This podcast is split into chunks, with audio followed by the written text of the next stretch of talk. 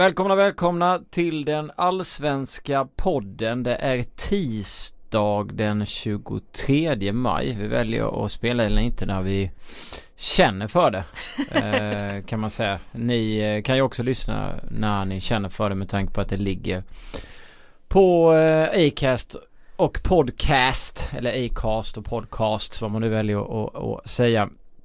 Hur som helst, nog om det och välkommen Linn Nordström. Tack så jättemycket.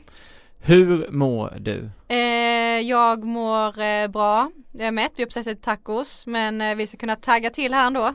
Mm, jag sitter med gyros som bara jäser i, eh, i magen och inte den grekiska gyrosen som är sådär härlig och fin om man sitter någonstans i i det landet och äter utan den som säljs i Stockholm som är väl ja, 2 plus, 3 plus, 3 plus. Det måste på vad du köper den. Jag Ja. vill absolut inte att vi ska tala ner gyros på något sätt eftersom att det är en stor del av vår eh, vår matintag. Ja, fyra plus då, ja, fem. fyra plus. Ja, Tack så mycket. mm, Ja, tack. Ja, bra. Derby. Ja, det finns ju de som mår sämre än vad eh, vi gör helt klart. De som håller på Djurgården i, mår inte så bra idag. Eh, 16 raka derbyt utan vinst, inte en seger sedan 2011. Det är ett tag sedan. Det är sex år sedan. Mm. Tänk hur gott det att kolla på varje derby i, i sex år. 16 derby, vad kostar ett derby? 400 kronor. Man lagt ut liksom 7-8 tusen. Det Mm. kostade mer, kanske till och med 500-600 spänn. Kunde de samlat ihop de pengarna och köpt en riktigt bra anfallare istället till, till, eh, till Djurgården så kanske det inte hade blivit så. Ja. Men jag tror ändå inte att de eh, mår lika dåligt som han har gjort eh, efter, eh, efter andra derbyn. Det var ändå eh, nöd och näppe som eh, de inte fick med sig någon poäng därifrån i alla fall. Men eh, segern var de väl en, en bit ifrån. Det ska vi väl inte sticka under stol med. Nej, jag tyckte att Energiskt sett att det såg rätt intressant ut för Djurgårdens del. Vi hade Magnus Eriksson som eh, så Han hade mycket energi inledningsvis och, och, och körde på och AIK jag, jag visste inte riktigt vad matchen skulle ta AIK med tanke på att man ställde upp med det laget som gjorde. Nu är det inte mer, mer än Linné, Sundgren, Goitom och Tan då som satt på bänken. Men det är Mm. ändå fyra viktiga spelare för dem som inte var med och det kändes lite som att det, där, det kan bli jobbigt för det här mittfältet eh, med fysiken och sådär som brukar vara i, i ett derby men men de sticker ändå upp någon gång där efter en, en fin inledning för, för Djurgården och har någon målchans och sen smäller det ju efter Tans byte. Mm. Och- och Per Karlsson gick ut. Ja exakt och Tan kommer in och, och gör mål, tar väl in via någon, jag kommer inte ihåg exakt vem det är.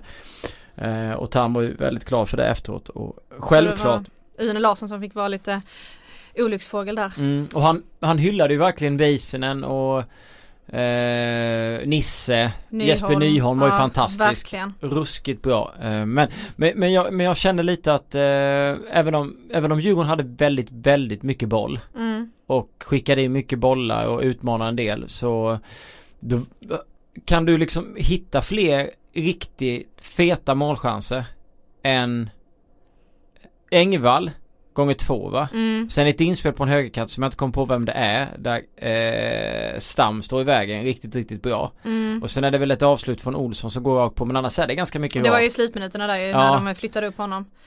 Vi har Eh, Magnus Eriksson som eh, skjuter i första halvlek när bollen kommer in, den är rakt på. Vi har två, tre avslut från Kim Källström som är högt över. Vi har en Ja, som sköt väl två gånger i alla fall i första halvlek. Ja, och vi har en Mm. El Kabir som eh, utmanar en del men jag tycker alltså det är inte så att man liksom blir livrädd när han gör det eh, och sådär.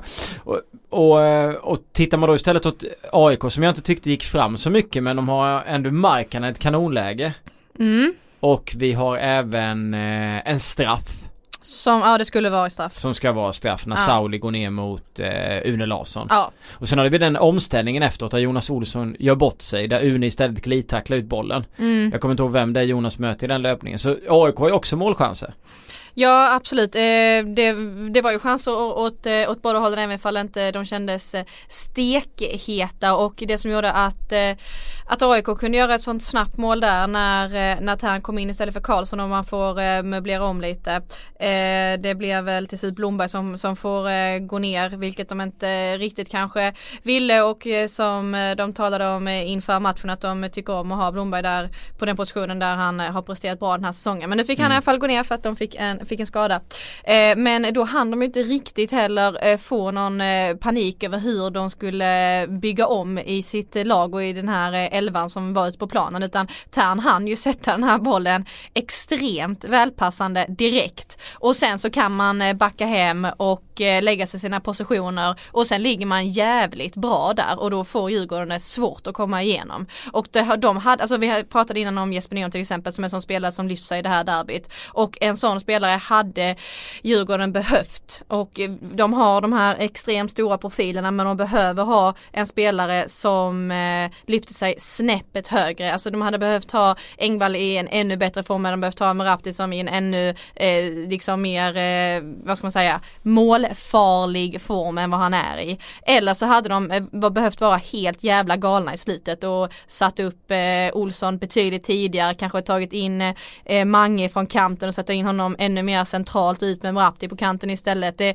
jag vet inte, det, det känns lite frustrerande i slutet att inte Öskan gjorde mer än vad han gjorde de Men sista han tittade minuterna. ändå upp Jonas, han satte in Jo men det var, vad fan var det kvar då? Liksom 10 minuter. Men han kan ju inte spela med Jonas som forward i 25 minuter. Nej, kanske inte men förlora med 2-0 eller förlora med 1-0 åtminstone liksom har chansat. Mm. Nej jag vet inte, jag, jag tycker att eh, de, eh, fan de måste väl ha haft eh, någon plan B liksom. Men, men AIK om man ser till eh, Alltså de gör ju inte jättemycket anfallsmässigt. De har, de har ju några chanser men det är inte så att de spelar jättemycket boll med ett, ändå ett rätt spelskickligt Nej men de har ju bara Marken och Ishizaki på topp också. Jo men de har ju ändå, Ishi kan ju spela boll, eh, Olsson kan spela boll, Afani Mm. kan spela boll och Tan kan spela boll. Men med tanke på att de får kriga så mycket. De släpper ju, de släpper ju verkligen in Djurgården på sin planhalva extremt lätt.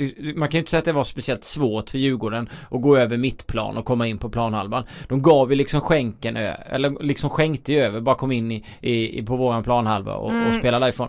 Och då var ju Simon inne på, på det, Tan efteråt. Det var någonting som jag och Bank satt och pratade om på presskonferensen in, med Norling och dem att att det var ju inte så att de liksom orkade så mycket. Men då snackar han om att de springer så pass mycket innan Sim, eh, Tarn då. Att man liksom pallar inte riktigt ställa om. Utan det blir, eh, det blir för långt till motståndarmålet också för att man släpper in den så pass lätt så man orkar inte göra de där löpningarna. Och man blir lite rädd för att man har den där poängen. Mm. Man har de där tre poängen så det blir nästan mer som att man hoppas på att äh, det här får fan gå. än att man vågar lägga energi på, på offensiven. Mm. Alltså det är ju svårt att sitta här också och avgöra om eh, hur taktiskt det var och hur tillbakapressade de blev. För det är ändå så att när Djurgården väl kommer över på AIKs plan, planhalva så är de ju extremt säkra sin position och spelar sig ur problemen. De blir ju liksom, det är ju sällan de de går fel och de ligger ju med, med tre stycken eh, liksom mittbackar som gör det jätte, jättebra och eh, Nyholm framförallt och jag menar eh, Nisse gör ju det också eh, felfritt. Eh, så att eh, visst att Djurgården får mycket boll men då tycker jag att eh, man får förvalta den bättre också när eh, i så fall så som du säger att AIK bjuder in dem och det, Mm. det orkade inte Djurgården göra igår heller eller man har inte materialet till det helt enkelt. Eh, och även ifall Källström eh, liksom måttar sina bollar framåt och försöker göra det farligt inne i straffområdet så, så blir det ingen mål. Det räcker inte hela vägen fram. Nej men i och med att AIK låter Djurgården som sagt släppa in Mm. dem på planhalvan så står de ju väldigt långt ner i utgångsläget och då Mm. finns ju inte den där ytan bakom. Så Exakt. Även, så även om Kimby slår den där snabba bollen, alltså han får ju aldrig möjlighet att Nej. göra det och Engvall får aldrig möjlighet att hitta ytan bakom. Och det är ju det som, och Merabti kan inte heller springa på de där grejerna och det, däremot innan Eh, 1-0 målet för AIK så hade man några sådana situationer där man försökte hitta den. Mm. För då fanns den, för då var det 0-0. Mm. Men från 1-0 och framåt så är det väldigt svårt att hitta den ytan hos AIK. Och då är inte eh, Djurgården skickligare, i i alla fall de var inte det igår, att de ska kunna liksom hitta hitta in med en boll eh, utan, att- alltså, utan att ha den ytan. Jag hade velat ha någon sån här gammal egoistisk skön eh, central mittfältare som bara blåste på med skott i det läget som fanns igår. Det fanns ju hur många lägen som helst egentligen att skjuta. Du kunde ju dragit hur mycket skott som helst om du spelade i Djurgården för att du, det var ju så lätt att komma över. Sen är det klart att det är inte säkert att om du hade skjutit 15 skott igår att ett hade hittat in. Men man hade velat ha en sån typ av spelare. Och speciellt när den ytan då försvinner som de kanske Ja. skulle eh, söka då tillsammans med Källström och Engvall. Då måste man ju Och skjuter du många gånger så lockar du ändå upp en backlinje till att börja täcka skott för att till slut så blir du ju ändå som försvarare kanske lite rädd att fan till slut sitter bollen. mm. Ehm, Eller bredda ännu mer. Sen hade ja. väl El Kabir en av sina sämre matcher igår får vi väl vara överens om. Jag tyckte inte han var sådär speciellt bra. Mm, du hade väl sett byte tidigare där va? Jag gillar ju Karlström. Eh, så att jag eh, hade ju nästan, eh, jag vet inte, ja Ibland funderar på om man inte, att han är, han är nästan så pass het att han ska få spela från start. Mm. Det var ju roliga eh, individuella dueller eh, under matchen. Jag tänker framförallt på den på mellan Markkanen och, och, Jonas Olsson. Där var det jävligt retligt hela matchen och det är ju mm. härligt att se. Det så ska det ju vara i, i ett derby. Men eh, ja, jag är ja, förvånad att inte Djurgården får in en boll ändå. Men eh, det, det var inte en sån match igår helt enkelt och det har inte varit det de senaste derbyna då sedan 2011. Nej, Även om eh, jag kan inte komma ihåg att det har varit så som det har varit. Det är klart att nej, om inte Djurgården inblandat derbyt mellan AIK och Hammarby. Det var ju väldigt mycket AIK i andra halvleken mot Hammarby till exempel. Och då var det ju Hammarby som vann den matchen. Det känns som att det defensiva eh, ofta vinner mot offensiva, eller det taktiska mm. kanske man ska säga. Sen så eh, borde ju Djurgården bättre av de ytorna som de får. Att de får kliva in så pass lätt på offensiv planhalva och eh, kan liksom börja trilla bollar in i. Sen finns det inte jättemycket ytor men jag tycker ändå att det, att det borde funka och, och, och utnyttja det. Um, det ska bli kul att se vad som händer uh, när det gäller anfallssidan för Djurgården om man, om man börjar spela mer med de här andra anfallarna som inte, alltså som Garba få spela längre matcher och få mer speltid för att liksom testa och få in honom i, i, i, i fler matcher så att han är inne i det spelet och att spelarna lär sig hur han fungerar. För han är ju ändå en Jämför man han med Engvall så känns ju han verkligen som en perfekt spelare. Med den just eh, tyngden och längden han har i den här typen av matcher. Lyfter du in bollar till slut så får han i alla fall ett eller två nicklägen. Eh, så att då känner man väl någonstans att um, Ja, att han borde kunna utnyttjas. Men Engvall han hade ju ett jätteläge att göra mål på den här, eh, det här inlägget från höger. Och det var väl en sån match som sakerna inte funkade. De tyckte ju själva Men skulle Öster kunna gjort något annorlunda? Alltså är det någonting som du känner att eh, att, eh, ja men till exempel som att du vill ha in Karlsson istället för LKB tidigare. och Jag tycker att man ska eh, kanske inte lyfta upp eh, Jonas Olsson allt för tidigt men jag, jag tycker ändå så här om man ser att Mange är het att man kanske ska släppa, han har ju en, en fri roll men eh, gå upp ännu mer, alltså flytta upp ännu mera. Alltså eh, visa att nu går vi för detta. Ja, du menar typ spela 4-3-3 då? Ja, eller 4, alltså, 2-4? Ja men jag tror inte att någon hade hängt Öskan om han hade gjort en sån förändring när det är en kvart kvar. Eh, nej, man hade kanske till och med kunnat göra det ännu tidigare. Det känns ju som jag var inne på innan som sagt att AIK hade inte energin till att eh, lägga den på omställningen. För de ställde ju knappt om överhuvudtaget. Vi hade ju exempel där de kanske hade möjligheten och istället så vände de om i, eh, i den situationen. Som Simon Tan tittar innan, ser marknaden, ser Ishizaki istället. Vänder han om på Olsson. Och så spelar Olsson runt Ishizaki så skjuter Ishi på Liksom, så det känns som att de inte hotade på det sättet. Så det är klart att du kanske kunnat chansa och, och vara ännu mer offensiv. Mm. Men, Men jag tycker ändå att bytet att sätta in Garba med sin längd och, och tyngd och även att flytta upp Jonas gjorde ändå en viss skillnad. Jonas vann ju en del eh, dueller där uppe. Ja, herregud ja. Så att han var ju ändå, det fanns ju ändå en eh, jag tyckte inte att det, ändå att det var ett bra byte. Mm. Helt klart från, eh, från Öskan. Men jag vet inte hur mycket mer man hade kunnat göra för att de har ju inte någon sån forward som är liksom inne i spelet med den tyngden och den spelstilen. Inne i stimmen, nej precis. Men man blir ju lite så här konfunderad så nu har vi sett två stycken eh, Stockholmsderby här och där eh, båda då lagen som har varit eh, kanske eh, taktiskt sett tråkiga så som Hammarby var gentemot AIK och gick vinnare under den striden och eh, nu så är det då eh, AIK sin tur som, som backar hem. Eh, då har de i och för sig eh, ledningen med ett mål eh, och känner väl att de är inte riktigt i den formen att de kan eh, föra matchen fortfarande offside framåt. Men och då går man vinnare under den när, när Djurgården och de som trycker på. Då är frågan hur det kommer se ut i det tredje Stockholmsderbyt om vi får två stycken lag som går ut och totalt backar hem och väntar ut varandra. Och det är ju jävligt tråkigt i så fall. Djurgården-Hammarby. Ja, exakt. Ja, eh, det känns ju som att Djurgården inte riktigt spelar den fotbollen utan de kommer köra på Ja men det går ju inte heller. Hammarby kommer, Hammarby kommer ställa upp. Men jag tror att Djurgården gärna hade sett ett Hammarby som hade gått fram lite mer så att det blir som att möta kanske Elfsborg eller något vi eller Östersund som bjuder på lite ytor.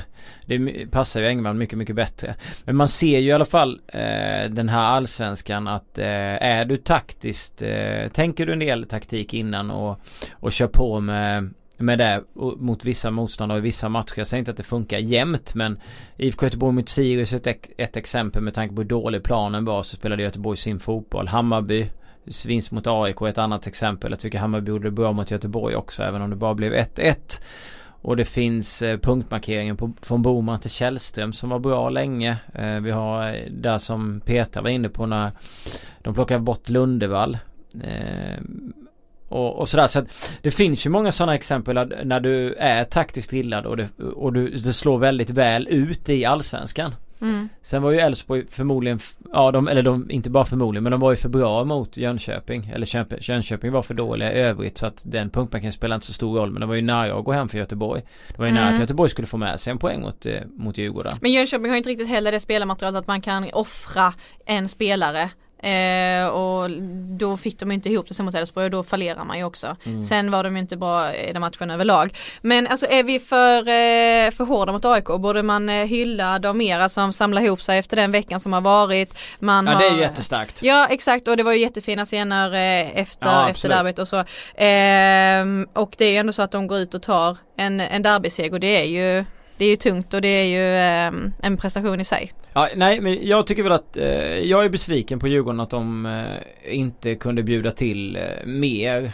Eh, även om de har väldigt, väldigt mycket så hittar inte bollen in. Så det är klart att det saknas ju en viss typ av spets i en viss typ av matcher. Sen samtidigt så är det klart att eh, AIK ska ha beröm. Stamatopoulos ska ha beröm för sin match. Han var jättebra. De tre framför där, speciellt då Nyholm ska mm. ha stort beröm. Nyholm var fantastiskt bra på sin position. Eh, Norling snackade efteråt att han nästan vill ha honom där framför Per men då har ju Per å andra sidan eh, Per Karlsson också mycket varit så pass bra så att han har nästan inte Han har inte kunnat peta honom med Nyholm också. Han funkar ju suveränt. Alltså de var ju svinbra. Mm. Och jag tycker också att eh, på mittfältet så gjorde de, de underkastade sig offensiven och spelade, krigade i defensiven de här eh, Olsson och Afan Och det passar ju Olsson Alltså då tycker ja, igår jag att han gjorde det bra. Exakt. Det... Sen är han lite för snäll tycker jag fortfarande i olika saker. Det som eh, Alltså det känns eh, Får han ett skottläge, han fick ju ett läge igår. Då ska han liksom försöka lägga in den lite snyggt i bortre. Det är liksom aldrig så att mm. han går till sidan och drar en, en klassisk vrist och man ser inte honom eh, göra vissa saker som man tycker att eh, han borde göra lite annorlunda. Spela på lite mer och, och sådär. Mm. Eh. Sen fanns det ju straffsituationer som sagt i matchen och Sauli skulle haft straff på sin. Jonas erkände efteråt att han inte tyckte att han skulle ha straff på sin. Mm. Eh, mm. Även om Kevin Walker, han sa, han sa någonting i stil med att Nisse kommer in med sina 120 pannor och, och sådär men det... Ja men Wiesner skulle ha straff så var det Ja, ja det var absolut, absolut. Uh, men uh, ja nej. Uh, och det som AIK också gör bra det är ju att de breddar spelet och det, det sliter ju också i sönder Djurgården sen när de väl ska gå till anfall att de, de är för spridda på planen för att kunna anfalla i en mer samlad trupp och sätta mer press eftersom att de går ju rätt på AIK också. Mm. Ska vi släppa derbyt eller? jag tycker ändå att vi fick ut mycket av denna match som ja det är ett resultat men eh, jag vet inte riktigt hur mycket det speglade matchen. Nej. Eh, Djurgården fick väl en del att tänka på. Och, eh, AIK med. Jo absolut. De är eh. inte, det är inget jätteroligt eh, lag som man ser på planen just nu. Men sen är det, det är klart att eh, man hyllar ju eh, Mikkelsen för att han eh, gör det han ska göra med, med sitt lag och Hammarby och sådär. Så att Norling måste ju ändå få beröm för att han väljer att eh, försöka genomföra matchen på det här sättet och att det slår väl ut. Mm. Och att han samlar ihop laget så bra efter den här veckan som har varit. Ja, med all den skiten så eh, absolut väldigt starkt av AIK, alla spelare. Vi har ju gått igenom, eh, eller vi ska gå igenom eh, massa matcher. Vi har valt att göra lite annorlunda det här avsnittet där vi ringer upp folk som har varit på pl plats och snacka runt. Så att vi ska egentligen bara beta av en tillställning till och sen så ska vi gå över till detta moment där vi ska börja med Johan Flink som hänger i Skåne. Jo, jag tänkte på Sirius mot Hammarby. En match som slutar 1-1 på Studenternas. Drygt 7000 personer. Niklas Busch Thor gör 1-0 efter 12 minuter. Och det man började tänka på efter det målet var ju att Ögmundu Kristinsson är i fullständigt usel form. Eller eh, kan man formulera det på så vis att han har hamnat i, hamnat i en fas där han gör tavlor. Han släpper in det här målet mot Malmö från Tinneholm som man ska ta utan problem och det här mot eh, Bush Tour är fan sämre. Ja, det var, eh, det var inte någon eh, klassräddning på det. Eh, nej fy fan, jag vet inte vad jag ska säga. Det, Mikkelsen satte ju eh, ord på detta efteråt liksom. Han är ju eh, inte alls nöjd. Nej. Med eh, hur detta har eh, tätt sig. Och det är så konstigt för att han har ju varit en stabil målvakt tidigare. Mm. Och nu så kommer liksom fler misstag än vad man har sett under hans karriär tidigare. Det, det är någonting som uppenbarligen har hänt. Ja, eh, jag fattar inte heller riktigt. Det känns som att Hammarby, det börjar diskuteras att de har, har man tagit kontakt med Per Hansson, gamla Helsingborgsmålvakten där för, för att plocka in honom. Ja, Mickelsen hade ju snackat med honom eh, efteråt. Mm. Och, ja han snackar ju med pressen också efteråt ja, ju, liksom. och berättat att han har sagt eh, till, inför alla ja. Att han tyckte att eh, Kallas han ögat Ögmund och Kristinsson Ja att han eh, helt enkelt inte håller eh, just nu Att hans nivå är för dålig mm. Eh, och det speglar ju verkligen dansken. Han säger ju lite vad han, eller han säger ju vad han tycker, inte bara lite vad han tycker utan han säger ju verkligen vad han tycker. Så att eh, Ögmund och si Kristinsson måste ju definitivt höja sig annars lär han ju få mer skit och då Bush Tour är, ju en, är ju en spelare som har höjt sig. Mm. Jag tyckte att han var väldigt eh, långsam eh, under eh, inledningen av eh, allsvenskan. Även för han är då lagkapten och, och jätteviktig kugge i laget så kändes det som att han inte riktigt hann med det här andra passningsskickliga Sirius som eh, bland annat då Kingsley Saffer eh, ser till att, eh, att det blir. Men han tycker jag har kommit in i det allsvenska tempot mycket bättre nu. Han fick en armbåge av Paulsen och var förbannad i halvtid. Tyckte att domaren var skitdålig. ja, det var ju väldigt eh, bra eh, citatmaskiner i den här eh, matchen. Eh, men det var ju en rätt så ful armbåge som Men som är det inte för mycket gnäll på domare? Eh... Tycker du inte det? Det är klart att de har varit i centrum väldigt mycket men Liksom gnälla Det har varit gnäll som där de här Mal utvisningarna nere i Malmö på De, de har ju inget snack om och Men det känns som att det blir lite Det blir för mycket fokus på det där Ja eh, men det är det väl alltid eller? Är det? Ja men det är gnälligt. Känns som att det är mer, att det är liksom en våg av domargnäll för tillfället. Men alltså det är klart han får en smäll där och, och sådär. Uh, ja jag bara kände det. Jag tänkte att han var och sen så efter så poängterar ju Kim Bergstrand då för jag vet inte hur många gånger någonting nytt om domaren. Det har varit Sebastian Eriksson, det har varit hälsene på Sparkade på Sarfo, det har varit det här. Det är nästan varenda ja, han, är, han är lite gnälligare. Ja och det speglar inte det laget lite? Samtidigt som de inte känns som ett gnälligt lag när de spelar fotboll. Nej men det gör de inte. Eh, och det gör inte Bush Thor heller. Eh, men eh, gnälligt lag, ja kanske. Alltså eh, ja, det var väl bra att de fick med sig en varsin poäng härifrån men eh, det är ju ett, eh, ett misstag av Hammarby-målvakten som, som man inte ska göra. Helt Nej. enkelt och det har hänt för många gånger den här säsongen och man har tappat poäng på det. Eh, så att eh, det tycker jag är befriande att, eh, att Mikkelsen kan gå ut och, och, och säga detta. Torsten bör kvittera till 1-1. Eh, Kennedy assist och sen så blir den andra halvleken eh, mållös. Det är väl fler chanser för Hammarby. Men den andra halvleken var ju riktigt Ja men det var ju som att de... Det var ett sömnpiller verkligen. Ja men det var ju, då var de ju nöjda då hade de ju kört på där i första halvlek och eh, det blev 1-1 eh, och sen så eh, ja, kunde de nästan satt sig på, på bussen hem. Vi hade inte behövt spela de avslutande 45 minuterna för att eh, nej men på riktigt, vad hände? Det var ju två olika ansikten av den här matchen. Då hade de väl kunnat eh, spara lite energi till andra halvlek också. Men man måste ju ändå säga att de två lagen som var på planen där är väl kanske de två lagen, eller det är de två lagen som imponerat mest på mig sen vi började. Mm. Malmö toppar och Norrköping är där uppe och, och så. Men det, mm. det är väl det är ju ändå rätt väntat. IFK Göteborg har varit lite sämre än vad jag trodde. Östersund trodde jag skulle ta ett lite, lite högre steg. Annars så har många saker varit väntade. Men just att Hammarby har vunnit ett derby alla redan mot just AIK som jag såg som en av guldfavoriterna och eh, att de har spelat och varit så pass nära att ta fler poäng plus att Osiris har tagit de poäng. Så jag skulle säga att de två lagen annars efter tio omgångarna kan, har kanske varit de två största överraskningarna. Mm Mm, jag vill nog lyfta eh, Norrköping lite ändå. Jag trodde okay. inte att de eh, skulle eh, De har verkligen repat sig här nu efter de här två smällarna som de fick mot eh, Östersund både i Allsvenskan och i, i cupfinalen. Eh, och sen så tycker jag att de visar upp en väldigt fin eh, balans eh, både när det kommer till de yngre spelarna och när det kommer till eh, deras ryggradsspelare. Så att i Norrköping och speciellt här nu då efter seger mot, eh, mot Malmö FF där man vinner och, vinner och vänder. där man vänder och vinner på, eh, på två minuter eh, gör att eh, jag tycker ändå att Norrköping ska ses lite som att de har presterat mer än vad vi förväntade oss av dem. Mm. Men Mikkelsen känns ju mycket av hjärnan i Hammarby givetvis. Han har gjort det på väldigt kort tid. Känns som att allt han gör också finns det en baktanke med. Ja. Att han går ut med de här citaten om eh, liksom hans frustration över de här misstagen. Att det liksom ligger någonting bakom likadant som när han tar ut Kennedy tidigt eller när han tar ut Johan Persson tidigt. Att det finns någonting hela tiden, att han är steget före oss liksom och laget. Att han eh, är riktig taktiker.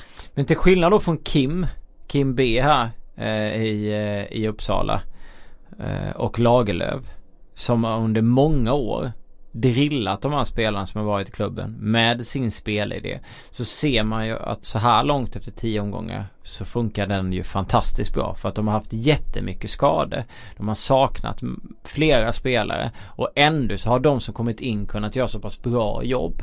Så att det känns som att den här spelidén som Sirius har verkligen funkar på på sina killar. De vet vad de ska göra. De går in och gör jobbet jävligt bra. Det finns en spelare som skiner lite över Kingsley South och sen är resten jämnbra. Så att man liksom underkastar sig och så kör man kollektivt. Man jobbar stenhårt. Jag, jag är extremt imponerad av det. Man gör ju det Hammarby har ju mer lägen, fler lägen i första halvlek. Andra halvlek blir ju tråkig. Sirius orkar inte men de fördärvar i alla fall för Hammarby. Och det tycker jag, det finns en viss charm i det.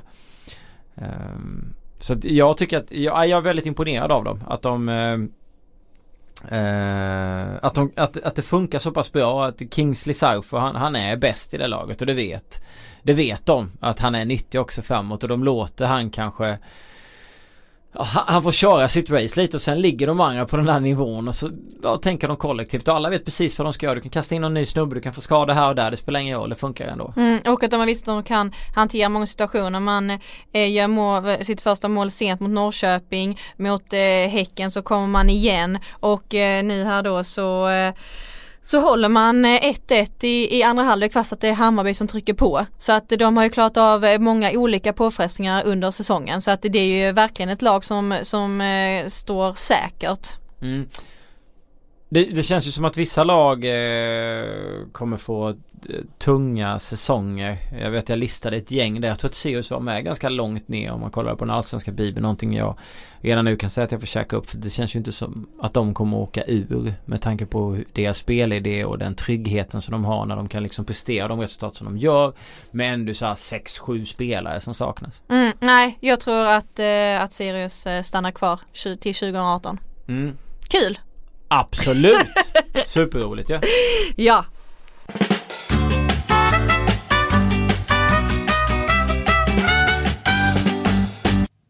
Då har vi kommit till Malmö FF mot IFK Norrköping. En match som slutade 1-2.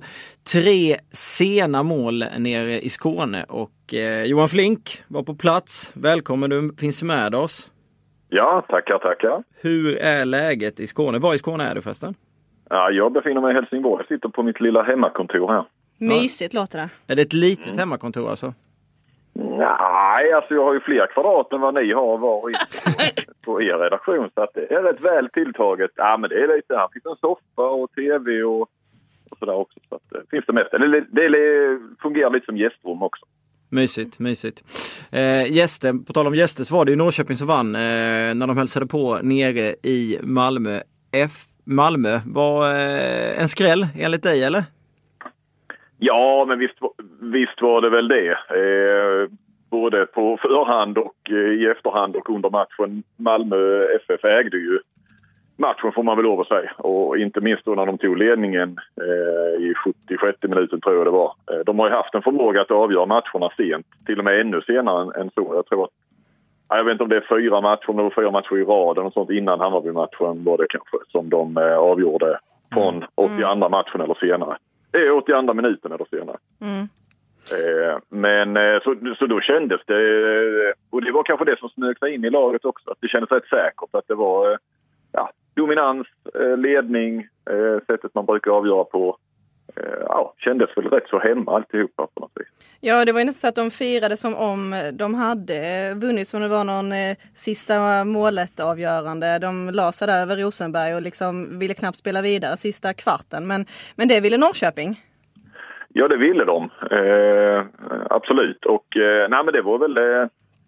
Eh, de, de vände ju på det där på två, eh, två defensiva hörnor. Eh, eller offensiva för Norrköpings del förstås. Eh, något som MFF haft problem med under försäsongen. Men annars tycker jag rättat till under våren att eh, de hade problem på fasta, defensiva fasta Mm. eh, innan allsvenskan började. Men eh, det har väl sett eh, riktigt bra ut. Och, eh, och nu så eh, trillade in ett par bollar där ju. Eh, jag vet inte, jag frågade dem efteråt om det liksom gav dem nästan ursäkt, det ska jag inte säga, men, men lite så om det kunde bero på. De har ju fått, eh, de har ju mycket avstängningar och skador i backlinjen. Det var ju mycket folk på, på nya platser.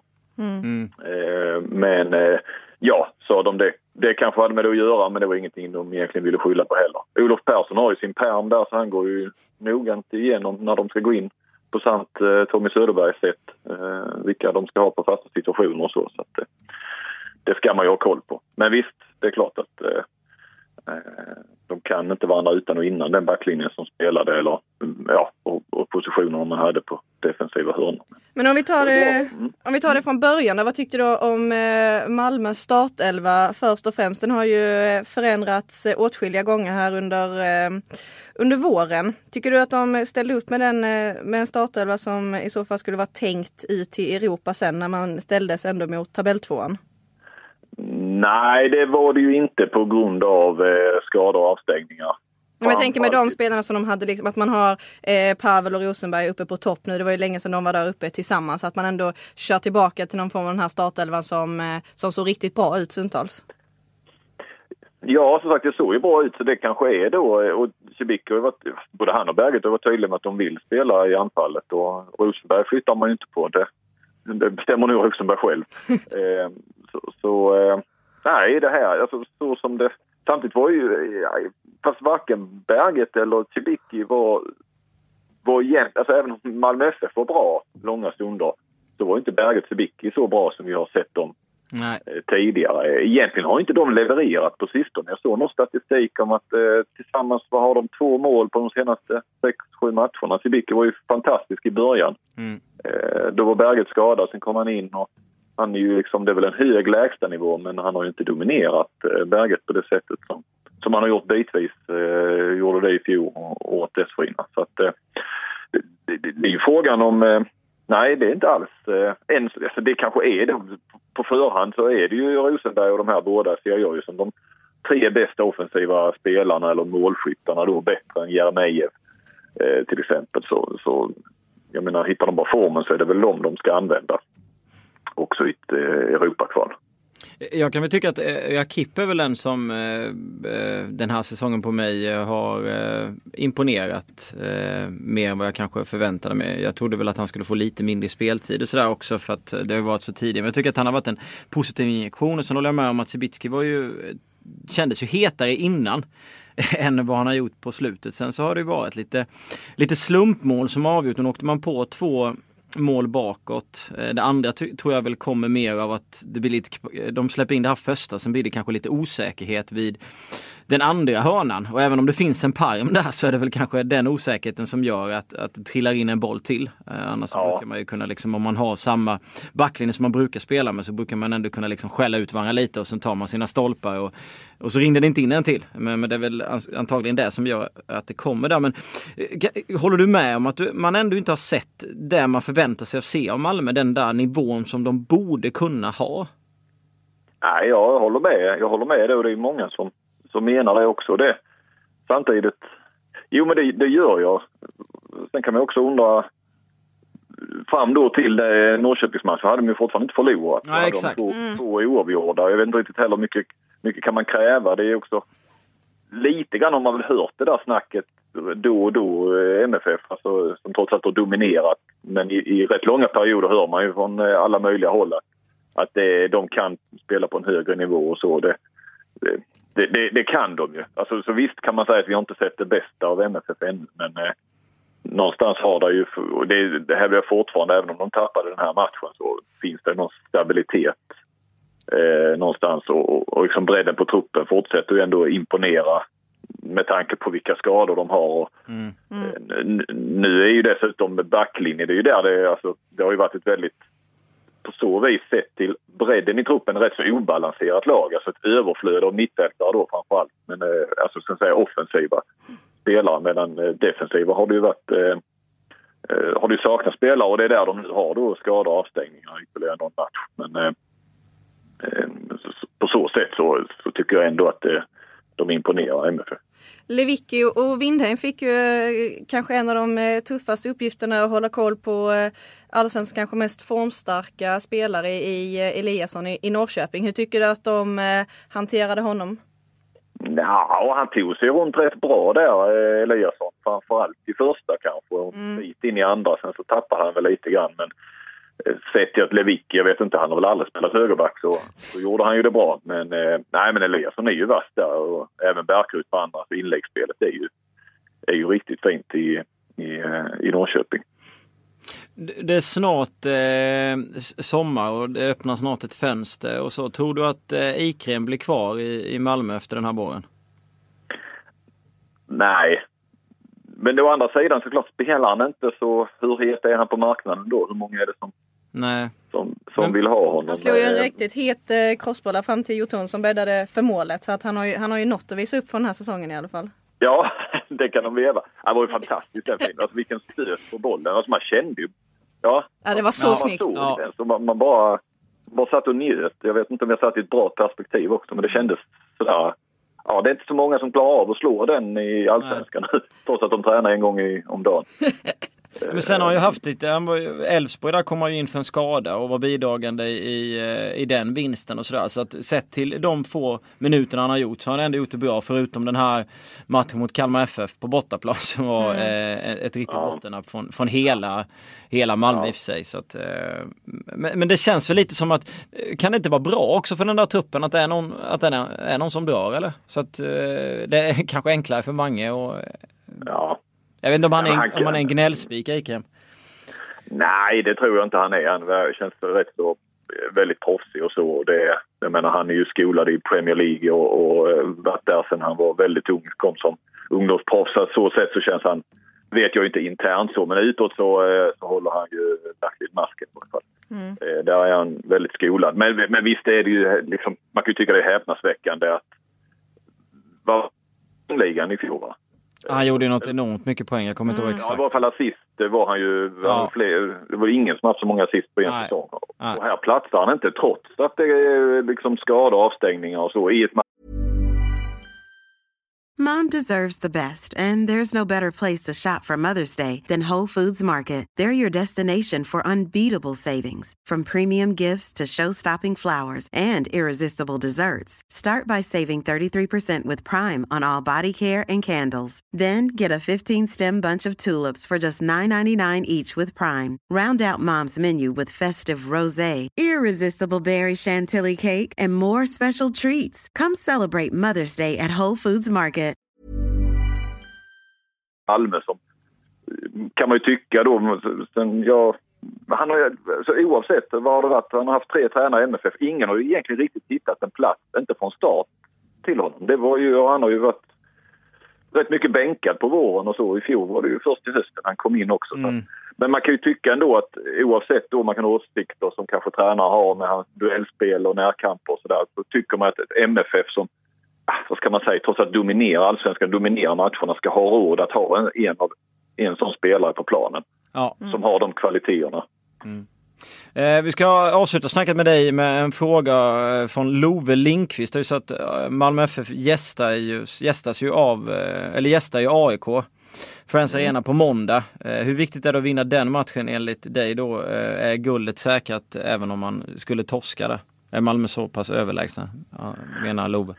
Ja, nej, det är klart torskar de så är ju inte guldet säkrat. Det, det, det, kan man inte säga. Det kan man inte säga om de vinner den. Eh, men eh, det är klart det skulle vara oerhört tungt att åka upp och, slå AIK. Det, det hade ju varit. Hade de då dessutom slagit Norrköping senast nu så mm. då kanske vi börjat snacka om ett eh, säkrat guld. Men eh, nu förlorar de den och eh, ja, det står ju inte och faller med matchen mot AIK, det gör det inte. Nej. Du, eh, var det någonting i eh, Norrköping som imponerade extra mycket på dig? Eh, men, eh, nej, Eliasson var bra. Eh, Andreas Johansson längst bak är ju mm. en, en, en, gigant och tyckte han hade trots allt rätt bra koll på Rosenberg. Nu satt ju Rosenberg till slut ett mål då, men, men mm. det avgjorde inte matchen. Så att, eh, nej, jag tyckte han imponerade, som han ofta gör. Det kändes som att de har en bra balans där bland de, de unga hungriga och sen så de, de stabila ryggraden. Så mm. äh, det var väl inte helt, äh, helt oförtjänt. Det kanske inte tre poäng men att de skulle delat på en poäng där hade väl äh, hade jag tyckt varit äh, fullt rättvist. Ja, ja. Ja, det tycker nog inte NFF-arna i och för sig. Nej, det är bra. Du frågar Rosenberg heller. Dessutom spelar inte Norrköping någon vacker fotboll. Nej, det fick han också till där. Han är det ofta det när de har förlorat. Vad var det? Någon fick en poäng var det i premiär mot Göteborg. Va? Då var det mm. också där att vi försökte spela fotboll. Det gjorde inte eh, Göteborg. Han, eh, han kan inte låta bli liksom att ge de sticken fast. liksom det känns lite sådär dålig förlorare lite. Mm. Det, är, det är få som, alltså det är rätt många som skiter i fotbollen liksom ser ut om man tar tre poäng. Det var ju inte så att ja. Bajarna liksom var ledsna efter eh, derbyvinsten mot AIK för att man spelade en trist fotboll. Man vann ju den matchen så att jag håller med dig. Det där är Ja, men han, han, måste väl göra det. Han, vill väl, han måste väl trycka till eh, i de lägena. Alltså det mm. bara är väl så. Eh. Ja, han har det i sig på något Ja, sätt. ja men absolut. Det är verkligen. Ja. Eh, tack så eh, ja, ja. Eller var det något du vill lägga till? Nej, jag bara tänkte att vi ska dra en sån klassiker. Den, eh, just MFF. Det var väl ändå, den som gick längst var Pontus Jansson. Han, eh, han var knappt ordinarie men fick ju starta någon tidig match på våren mot Gävle för ett antal år sedan. Kom ut efteråt vet inte, jag tror ändå MFF vann. Man kan inte låta bli att säga att eh, jag slutar hellre spela fotboll än, än eh, spela fotboll i Gävle. ja just det, det stämmer. Man är det. De håller den fanan högt. Ja, underbart ju. Ja.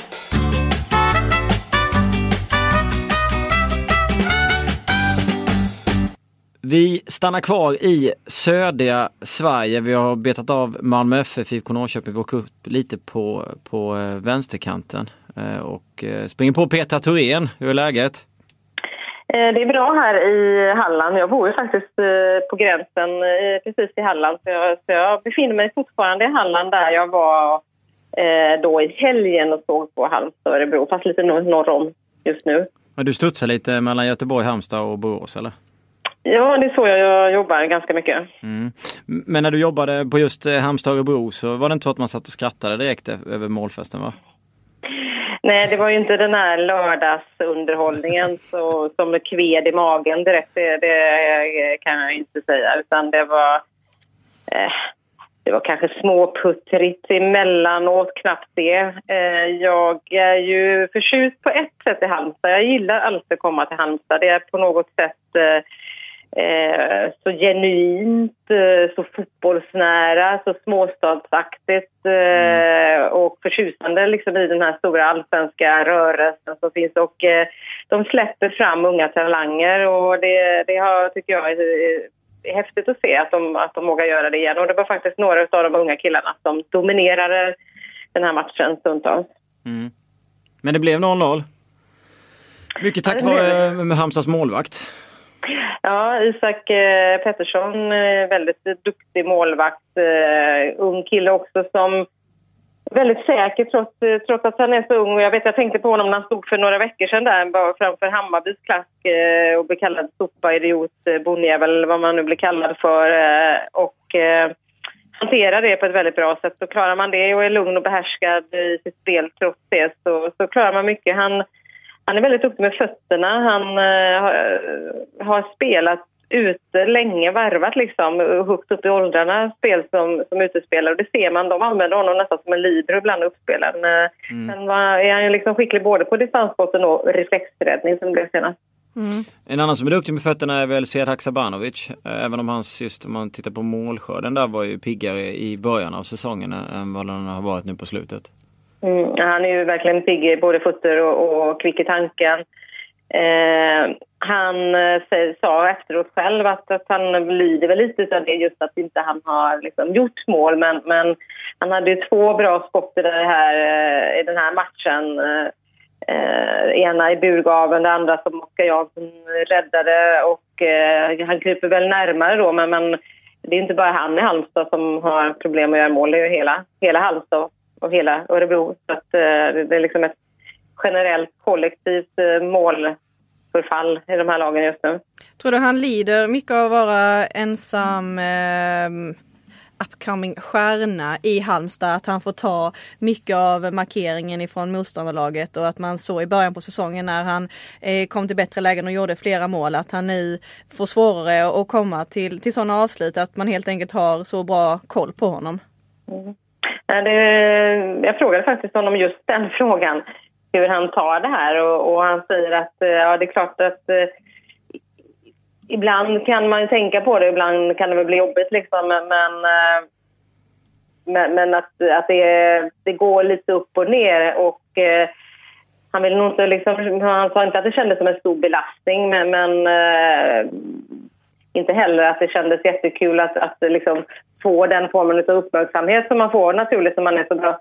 Sen tycker jag ju då att eh, Abubakar Keita som, som spelar på mittfältet eh, har börjat sno en del av uppmärksamheten. Han var, kommer från FBK, eh, alltså från Köpenhamn, eh, inlånad, eh, försvinner förmodligen om två veckor om inte de kommer eh, bra överens där nere med, med, mellan klubbarna. Och, eh, eh han är ju en liten liten Pogba-kopia och eh, förbaskat bra på mittfältet senast. Eh, och det tror jag avlastar Sted lite. Man såg att de hade en fin connection, de hittade varandra. Det är alltid så. Bra fotbollshjärnor, mjuka fötter, de, de liksom dansar bra ihop och det gjorde de den här lördagskvällen. Så de hittade verkligen flera gånger i kombination med varandra och det tror jag är bra för Sted också att få, få liksom den här avlastningen lite då. Men det är lite eh, risigt läge då egentligen med tanke på att det snackas om att båda de eventuellt ska försvinna. Ja. Ja, jag fattar inte vad det ska vara, vara, vara kvar i det här laget för någonting. Eh, eh, Keita sa det, ja, men det finns så mycket duktiga killar här. Ja, och det gör det. Liksom. det, gör det. De har ju flera unga som kommer till, bland annat Gabriel Gudmundsson, och Niklas Gudmundssons pojk, eh, son. Eh, men det, det, är klart att det här laget blir mycket fattigare utan de två liksom, spelarna som man gärna sätter ögonen på. Och, eh, eh, Rod Freter och Fredrik Olsson i anfallet där är liksom, det är inte de det är inte de spelarna, det är inte de lirarna. Liksom. För det kommer ju, det kommer ju, de kommer ju tappa sitt mittfält ganska rejält liksom, om de två försvinner på, på samma gång. Så att, eh, det blir lite fattigare i Halmstad då. Det var ju bara spelat en tredjedel men jag menar om de, om de där två försvinner så känns det väl inte som att Halmstad spelar allsvensk fotboll 2018? Nej, det, det, gör det väl inte. De, eh, de har väl lite kapital liksom, på bänken med andra spelare. Jesper Westerberg är en sån spelare som, som, kan komma in och göra det bra med en, med en annan form av spel, ett mer inläggsspel. Då. Eh, så att, så att det är väl, då får de liksom tänka om lite i sitt sätt att spela. Men de är ju, de är till, jag menar, de är ju redan nu ganska raka så som de är liksom, och snabbt upp liksom, på, på sina anfallare. Så det, eh, det behållningen lite grann är ju Keita och Sead eh, tillsammans med Nikolaj Alo. Det är klart att där försvinner ju liksom två, eh, två, liksom två spelare på mitten. Så att, eh, jag tror att de kommer, de kommer få det svårt. Men vi har ju sett förr att Halmstad liksom klarar hästarna och de klarar att hanka sig kvar. Och det, verkar, det finns ju fler lag som har problem. Så att, eh, eh jag sitter ju här i Halland. Jag räknar inte ut dem ändå, men, men, men de kommer få det jäkligt jobbigt. Men om båda de två skulle försvinna, skulle man kunna sätta upp Jesper Westerberg som eh, yttermittfältare? Eh, ja, det skulle man kunna göra för att få lite liksom, speed på kanten och lite inläggsspel. Sen vet jag inte hur de tänker där, om det är Gudmundsson annars som, som förmodligen tar den platsen. Mm. Mm. Allo har ju faktiskt haft eh, en hel del avslut och eh, han kommer väl till rätt mycket lägen. Känner jag ändå när jag, jag såg dem ju mot mm. Kalmar och jag såg dem nu mot Örebro och sådär. Men sen är det ju eh, jag tror du, jag vet inte om du skrev det, jag tror du skrev det i texten också att det saknas spets. Det är liksom, det, det saknas en enorm spets. Eh, de, eh, det känns inte som att de liksom riktigt har, alltså de har tänkt att det bara ska rulla på med kanske Olsson som gjorde mål i, som gjorde en del mål i lägre divisioner och sådär. Men det känns som att de kanske borde ha varvat in någon mer. Jag, jag, kommer inte riktigt ihåg hur det där snacket var inför säsongen. Hur frenetiskt de letade efter, efter måltjuvar och anfallare.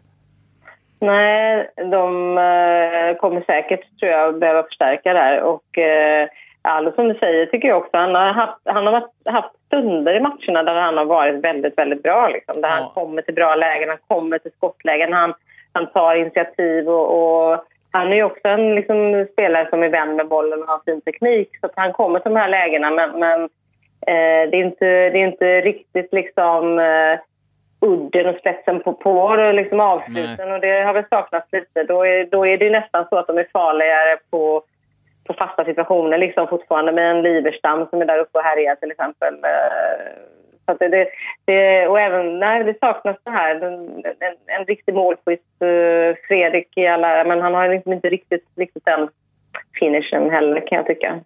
Vad tyckte du om Örebro? De saknade väl Kennedy? Ja, det gör de ju. De gör ju inte heller mål och de eh, hade väl, de tyckte själva att de eh, tog ett steg i rätt riktning, att de, att de vågar spela liksom runt och hitta. Men samtidigt så var ju Nordin Gerzik väldigt eh, kritisk mot sina lagkamrater och sa att det är många som är rädda att de här unga spelarna, flera av dem inte liksom vågar mosa in i straffområdet. De vågar liksom inte uppoffrande fläka sig liksom och ge allt för att göra mål. Och, eh, ehm, då, det, det kändes väldigt trevande och ett lag som också spelade så här lite utan självförtroende då. Ja. Men eh, han var verkligen ute och vevade där, Gazic efter matchen. Tror du att det, eller tycker du att det är rätt väg att gå? Att eh, uppmana de här unga spelarna att mosa på? Är det det som Örebro behöver? Eh, det är väl lite Norden, är det inte det ett nötskal? Och jag, Jo. jag, menar, jag pratade med honom så att, så att, eh, och det var inte så att man behövde dra ur orden liksom, utan eh, eh, men, men det, det är väl det är på något sätt också jag kan köpa det när man agerar som han gör för han, han, hans roll i det här är ju att vara liksom, mana på men också att lugna ner och visa en trygghet i spelet. Och, och det jag, gjorde han i den här matchen väldigt tydligt på plan. Liksom, jag tyckte han var bra. Han, han liksom försökte ändå liksom suga in bollmixet och lugna ner det och liksom våga hitta alternativ uppspel, eh, uppspelsfaserna. Så att han, han visar ju faktiskt liksom på plan hur de ska agera. Då på något sätt har man mandat även utanför. Dessutom är de nog ganska vana att han, att han, att han skrek på... Det var något läge där med Basar, eh, när i eh, där, där, där Nordin skrek rätt rejält och gestikulerade mot honom. Så de är nog rätt vana vid det tror jag. Sen, sen är det väl så att det funkar på en del unga men det funkar inte på alla. Nej. Mm.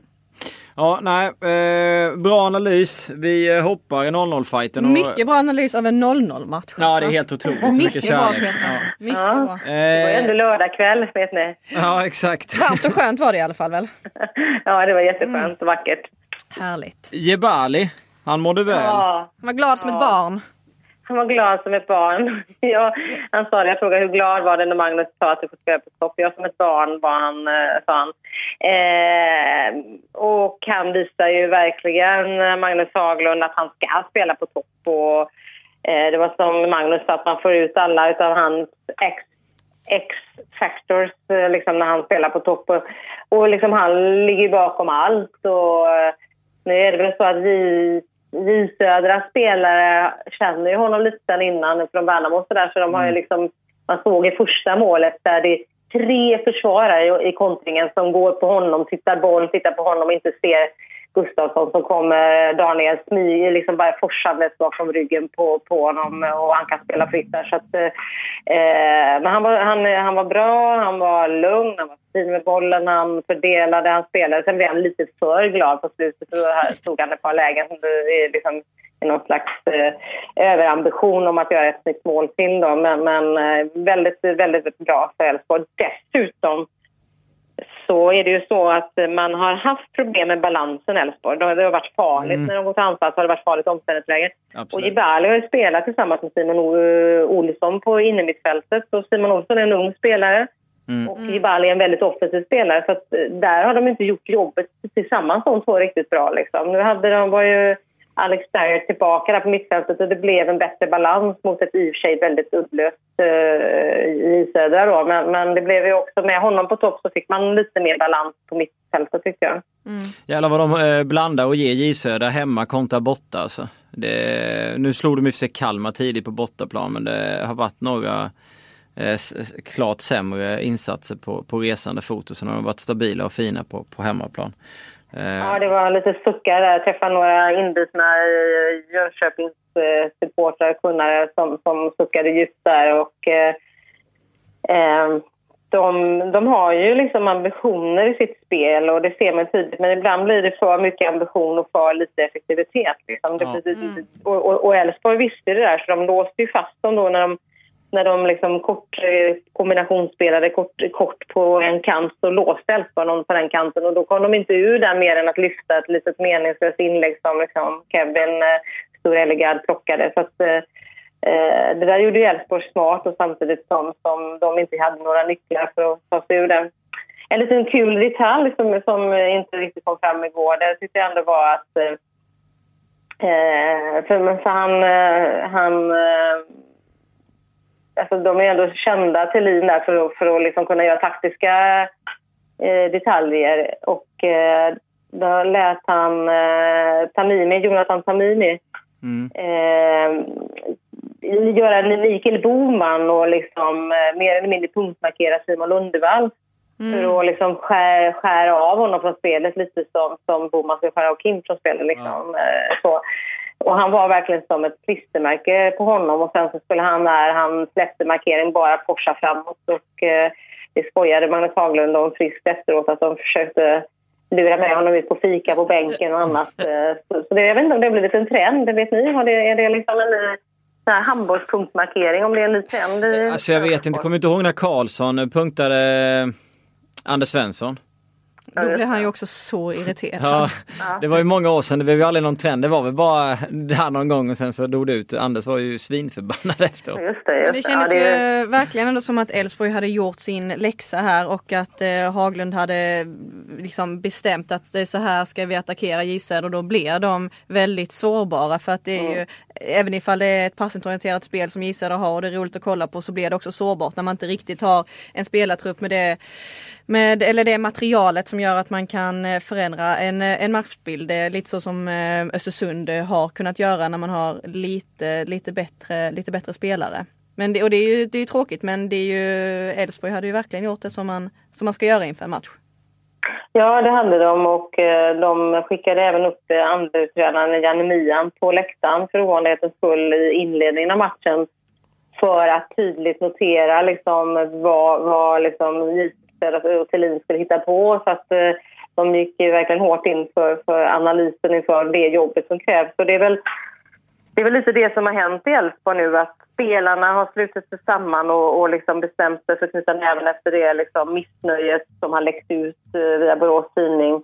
Och samtidigt har, verkar då också ledarstaben ha, ha tagit sitt ansvar liksom, att göra den tydliga analysen och tydligare i sin coaching. Eh, jag fick höra efteråt att förra matchen, alltså mot eh, eh, Eskilstuna, som de vann sent, så att det Lasse Nilsson-mål, så, så förstod jag efteråt att liksom det enda som Haglund hade ropat på bänken typ var kämpa hårt, kom igen liksom.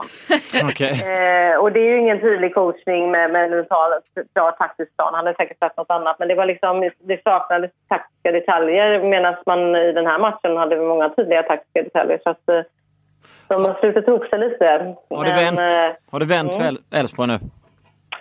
Ja, det där är så intressant. Jag pratade med Kevin Stor, Stor som är alltså målvakt och kapten där efteråt. Han berättade, jag frågade hur de hade hanterat den här situationen och han, han säger att vi har hanterat den som man ska göra som fotbollsspelare. Vi betalar för att spela fotboll, vi har det bra här, det får inte bli bekvämt. Och då har de här äldre killarna försöker hela tiden få igång gemenskapen i gruppen. Och de har tidigare haft träffar hemma hos folk och nu under den här lite tuffa perioden så hade de jag frågade vem de samlade hos då. Då gjorde de visst hos Lasse Nilsson för han hade störst eh, hus liksom. Och, så hade de varit där och uh, Kevin sa att man får ta, man får ta några öl för svenskar klarar inte av att prata utan öl tyckte han då. Och, uh, lättat lite på stämningen och han säger rätt ut, liksom, pekar fingret mot varandra och, liksom, och, och bestämt sig för att höja nivån, att alla måste jobba, jobba mer. Där har ju spelartruppen liksom slutit sig hårt och bestämt sig för att slita. Men däremot så vill han inte svara på frågan om hur förtroendet i spelartruppen ser ut för Magnus Haglund. Den vägrar han kommentera. Och när jag säger varför det, om ni har ett förtroende så kan du väl säga det. Ja, det får, du liksom, det, då tolkar jag det annars som att ni inte har det. Ja, du får tolka det som du vill, säger han. Så att, eh, det som har hänt här verkar ju utifrån vara att spelartruppen har höjt sig. De eh, faktiskt jobbar hårdare på plan för varandra. Men frågan är om det liksom ändå är så att det finns ett missnöje kvar för Magnus Haglund då. Inte hos Jebali tror jag. Han är nöjd nu. Ja, han är nöjd. Han är nöjd. Han vågar inte säga annat. Han blivit uppflyttad och eh, han sa också att han har liksom, liksom stått lite utanför det där och bara fokuserat på sitt jobb. Liksom. Men, men det är väl alltid så, en spelare som, som får, eh, får bra positioner och bra eh, liksom, möjligheter att eh, visa sitt bästa i liksom, en gynnsam position och med, med gynnsamt mycket tid. För de, det är inte de som klagar mest. Liksom. Mm. Ja, vi ser fram emot att få se Elfsborg mot eh, IFK Göteborg 3-0 där och så vann ju Blåvitt med 4 mot Giffarna så det kan nog bli roligt. Eh, på... Och Dibali valde ju mellan IFK ja, Göteborg och Elfsborg och valde Elfsborg för att han tyckte att den fotbollen de spelar passar bättre. Ja. Och gick inte i fällan. Hur, hur, hur tycker du Blåvitt spelar den fällan? gick han inte, men... Eh, men äh, det blir häftigt. Det blir kul. Han hyllade väl Mats Gren med? En Gren som äh, inte har fått så mycket kärlek på slutet. Eller han respekterade Mats Gren var det väl? Ja, han respekterade, han respekterade IFK Göteborg, men han respekterade nog Mats Gren också. Mm. Att, men det hade väl varit en häftig spelare att sätta i Göteborg, men, men han gör sig fin i Elfsborg. Det, det blir häftigt.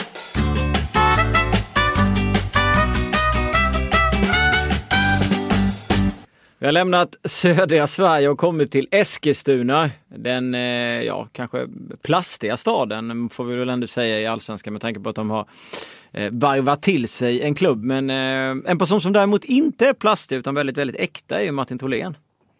Ja, det vet jag inte riktigt. Men, men plastig är du väl inte eller? Ska vi, vill nej, nej, nej. Jag, är, jag är från Eskilstuna så man blir det ganska lätt. Man blir ju, man blir ju ett till Eskilstuna. Du ville ju inte att vi skulle prata om din nya näsa. Varför, ta, varför tar du upp den? ja, nej men eh, den stolta fristaden här vid Eskilstuna, där har du rätt för den. Ja, eh, vi eh, välkomnar i alla fall i podden. Eh, det är premiär för dig i podden va? Eller? Ja, kan ha gjort några inhopp förra året, men det var tydligen inte så lyckat. nu är jag tillbaka. Jag har till och med glömt dem, det var ju riktigt illa.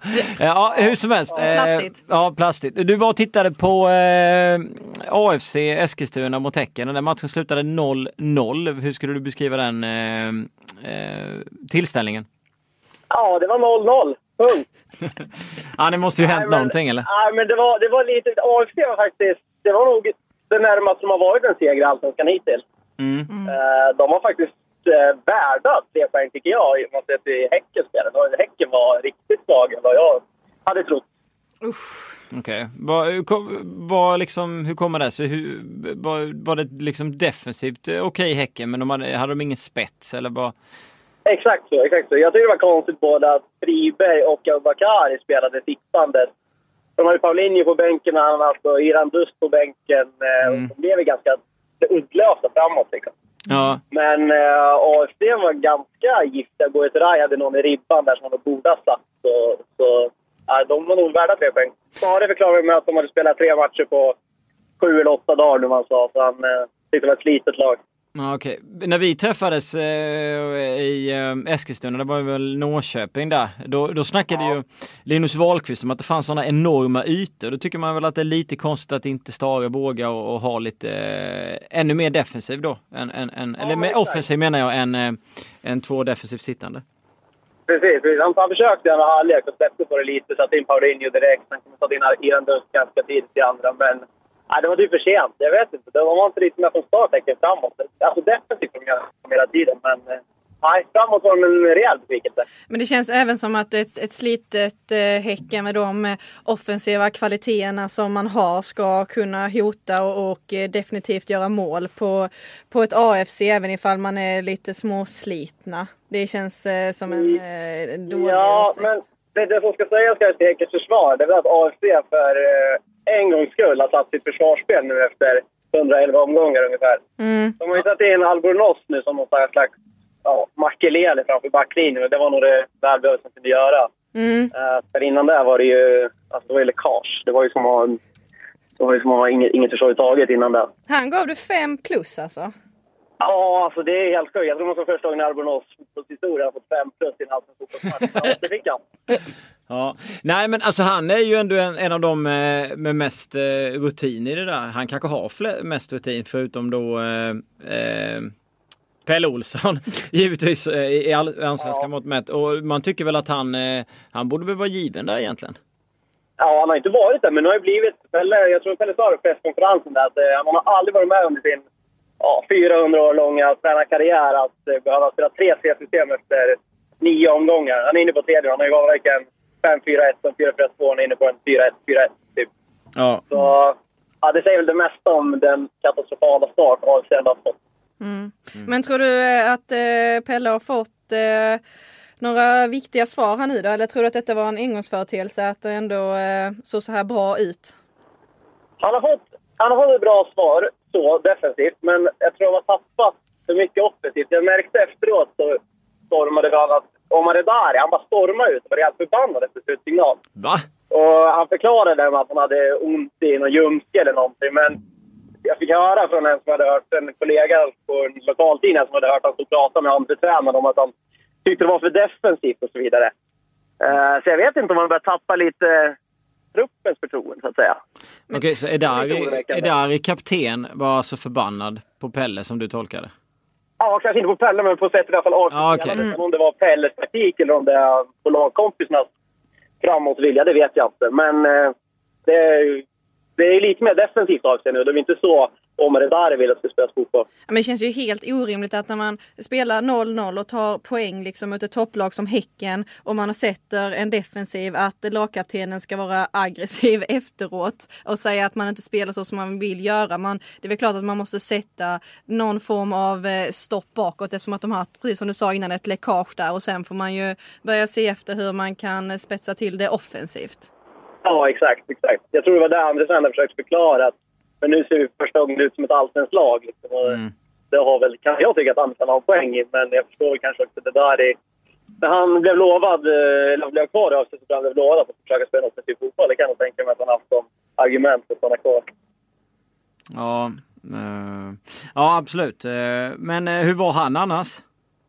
Eh, han gjorde faktiskt en... Han jag tycker han var bra de senaste tre, fyra matcherna, men nu var han nog tillbaka där han var första gången. Ganska osynlig. Han hade två ganska bra lägen. Hade ett halvvolley, men det var inte allsvenskan klass på de avsluten. Om han sagt att han ska 15-20 poäng så ska man i alla fall en av dem gå på mål. inte, inte, inte träffa högsta våningen på Tunevallstornet. Ja, de poängen kan vi ju glömma redan nu. De kunde vi glömma efter en eller två omgångar känns det som.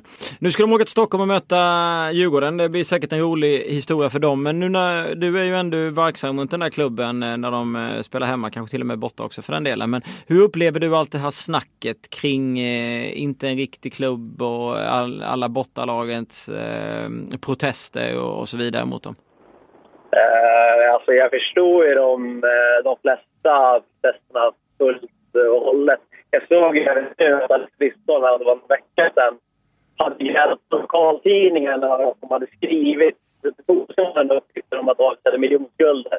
Och då hade Esna-Kuriren eh, liksom rightat den grejen och creddat Fotbollskanalen. Ryssland var besviken på att Esna-Kuriren skriver sådana grejer för att han tycker att det missgynnar eh, deras relation till sponsorerna.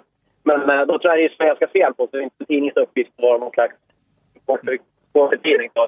Nej. Nej, nej. det- det- Men de tar åt sig av det som skrivs och sådär. De, det verkar som att när man pratar med dem så låtsas, eller så säger de att de inte bryr sig så mycket men de tar ändå åt sig eller? Ja, i alla fall om man verkade på ryssarna. Han var jättebesviken på tidningen.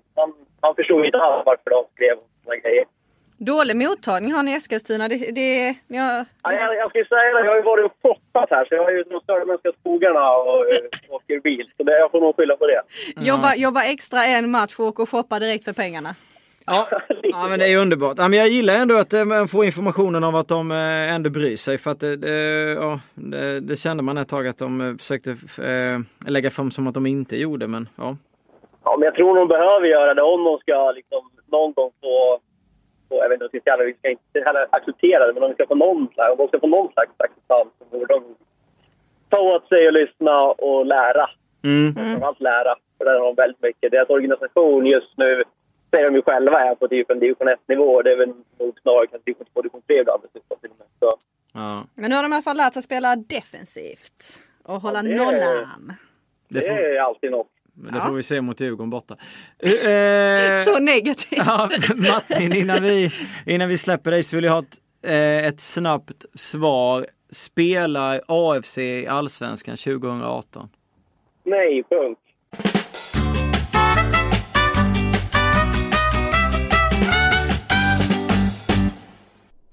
Vi har eh, snackat med lite folk i, i Skåne och i, eh, nu vet jag inte exakt var Petra Halland. bodde men ja, någonstans där runt Halland, halländska gränsen. Och så hade, så hade vi en eh, Martin Tholén som hade lite risig, eh, risig, eh, jag- vad säger man? säger inte Uppkoppling va? Nej men inte uppkoppling. Nähä. Mottagning. säger man. Mottagning. Mottagning säger Men fan vad het han var ändå. Ja han var ju Ah. han var ruskigt het. Eh, hur som helst, vi har ju lite eh, Vi har lite eh, frågor och sånt där som man skulle kunna Kunna titta på. Hur ser tabellen ut när sommaruppehållet börjar? Eh, jag känner lite att eh, tabellen ser ut som den gör. Ja, jag kan, eh, hur många omgångar har vi kvar tänkte jag säga. Ja det var det. Innan det väl eh, blir eh, det här härliga sommaruppehållet. Tråkigt för oss men eh, härligt för spelarna kan jag tänka mig. med sommaruppehållet? Ja. Men det är väl så pass kort så att det är ingen som tänker på det. Vadå det kommer vara, det kommer vara över direkt. Ja men ungefär så känns det ju som. Eh, Vad kommer Malmö kan ju tappa här nu då. De har ju AIK i eh, nästa omgång, eller hur? Ja, de spelar på Eh. bortaplan och sen har vi den i början av juni så det är liksom två omgångar kvar. Malmö har eh, Jönköping Södra borta på Stadsparksvallen. Vill det så kanske man blir... Eh, nej, jag ska inte säga att man blir nollad på de två. Definitivt inte. Vad sa du att de hade? De har ju först AIK borta. Det är en svår bortamatch. Eh, och sen har de Jönköping Södra borta. Och Mm. Jönköping är ju ett helt annat lag hemma Mm. än borta. Så de kanske kan kryssa sig till en poäng där. Springer då Norrköping och slår Halmstad hemma och sen IFK Göteborg hemma så är, leder de i tabellen. Mm. Så vi sticker ut hakan och säger att Norrköping leder vid sommaruppehållet och då, då är Mm. Malmö tvåa. Hur går det för Häcken då? Det vet jag inte, det är ditt område. Vad har de kvar? Uff, de har Östersund hemma. Ja, ja. Norrköping, ja men jag säger det. De eh, har... Norrköping eh, leder när sommaruppehållet börjar. Eh, Det blir det svaret till Robin Nilsson. Gustav Lundström, kommer Alexander Kasaniklic hem i sommar och i så fall vilken klubb skulle vara bäst för hans omstart? Mm, Kasaniklic. mm. Han är ju, jag tänkte säga att ni är skåningar ni två. Han var ju en runda i Mjällby. Eh, Alexander Kasaniklic. Jajamensan, jajamensan, jajamensan. Nej, eller var det hans bror? Nej, det var hans bror. Mm. Robin. Ja, Ja, Robin, eh, det. Tänkte väl de är jävligt lika är de. Robin var i Mjällby. Mm. Nu är ju Alexander i Nantes va? Eh, franska ligan. Jag vet inte hur mycket han, han har spelat en del men inte så mycket. Eh, han har haft rätt många tunga år. Jag vet inte, skulle han vara sugen? Senast han lämnade England för något annat så var det Köpenhamn i Norden. Men skulle Mm. han gå hem, han är från Helsingborg från början kan Han kan väl inte spela i en annan Skåneklubb Nej, direkt så att, nej eh, varför skulle Malmö ha honom? Nej och han vill kanske inte heller spela där så att eh, Nej. vad skulle vi sätta han för? Elfsborg. Sätter vi han. Det blir kanon vi, vi, vi sätter han i, vi sätter han i Elfsborg eh, Vadå, ska du inte utveckla det då? Nej det du blir, ville att de skulle ha någon brunkig Ja men det vill jag ju också men de kan behöva en, eh, en ytter där som är sugen på en omstart Göteborg då? Amy Bayrami har ju varit eh, Göteborg då? Ja men ja i och för sig lånar de hem honom istället och skickar Björdal då eller? Eller skickar någon annan av de här inlånade sätta spelarna sätt, ja, eller sätta honom på bänken? Ja det kan vi alltid Nej men ju fan Göteborg kanske? Ja det får stå för det. Jag, jag tar Elfsborg. Vilken flytt hade passat Jesper Karlström bäst i sommar för bra för bänken i Djurgården? Det skulle vara spännande att se honom i Norrköping. Nej, Ja. jag tycker inte att han ska byta klubb. Däremot så tycker jag att han ska byta bänken mot en startplats. Ja men det är inte så lätt för honom om han sitter kvar på bänken. Nej så. men vad fan, nu har han väl visat att han ska in eh, i en starttävla. Jo det, det, jag tycker han borde få fler chanser där. Men jag Mm. förstår Gustav Nordlöf när han säger att han skulle kunna funka i... Men det är en sån spelare som skulle kunna funka överallt. Ja. Skulle han kunna i och för sig Nej men kunna- Norrköping har ju väl, eh, har ju fin balans där kanske. Det hade blivit eh, bänken också. Mm. Nej, in med honom i starten med Djurgården så ha kvar honom där. Eller skicka han till Norrköping så får han speltid kanske. Nej jag vet inte. Ja, eh, ja. Vad behöver Örebro göra för att vända den negativa s- trenden som man är inne i? Ja, bra fråga. Nej men vadå, de, eh, ni- ni eh, fick de väl med sig ett poäng här eller? Så Ja, att, eh, nu är väl och skapade en hel del eh, chans. Krisen är ju inte över för att de får en poäng. Men de skapade en hel del chanser gjorde de ju också. Mm. Och eh, det betyder väl att eh, då kanske det blir ett, ett mål snart då. Det känns ju som eh, Torén Thorén var ju inne på det där, hon pratade om att Ellegård, hade- eller de äldre hade samlat de yngre i Älvsborg och snackat och sådär. Det känns som, att man ska sätta sig ner i Örebro. Nu ska jag inte säga att det hjälpte jättemycket i Kalmar när man gjorde det men sådana där saker kan ju alltid vara nyttiga att göra. Och försöka få ihop gruppen på allvar Mm. innan man, eh, innan man går vidare. Sen är det klart att när Kennedy Igbonanicco kommer tillbaka så får de ju ändå tillbaka en, del, en hel del spets. Mm. Det känns som att deras anfallsspel har ju varit väldigt trubbigt utan honom. Mm. Så det är klart att det kommer funka bättre men han, alltså sen gäller det ju att drilla defensiven och då menar jag inte bara Alltså backlinjen utan det, hela det lagets defensiv måste ju bli bättre. Mm. Fast Garcic är inne på att de måste bli bättre Jo, det måste de ju också, för de det är är ett mycket- offensivt lag det är för att mycket backa hem. Det är mycket Michael och Mo Mm. eh, som kommer på sin kant och kör liksom. Han, jag tycker han har varit jättebra sett till resten av laget. Kennedy Mm. var ju också bra innan han blev avstängd. Och sådär så det är väl de bitarna plus att de får lite flyt med sina avstängningar. Det är ju helt sjukt att han fick fyra poäng så pass sent som han ändå Eller fyra matcher. Fyra poäng Ja, hade ju varit toppen ja. för Örebro om de hade fått. eh, så pass många matcher så pass sent som han ändå fick. Jag är inte, jag är inte orolig för Örebro. Det har inte jag varit innan heller. Det, det jag står fast vid det. Nej och jag är inte orolig för eh, att den här podden ska läggas ner heller utan jag tror att vi är tillbaka nästa vecka igen. Tack för att ni har lyssnat. Ha det bra.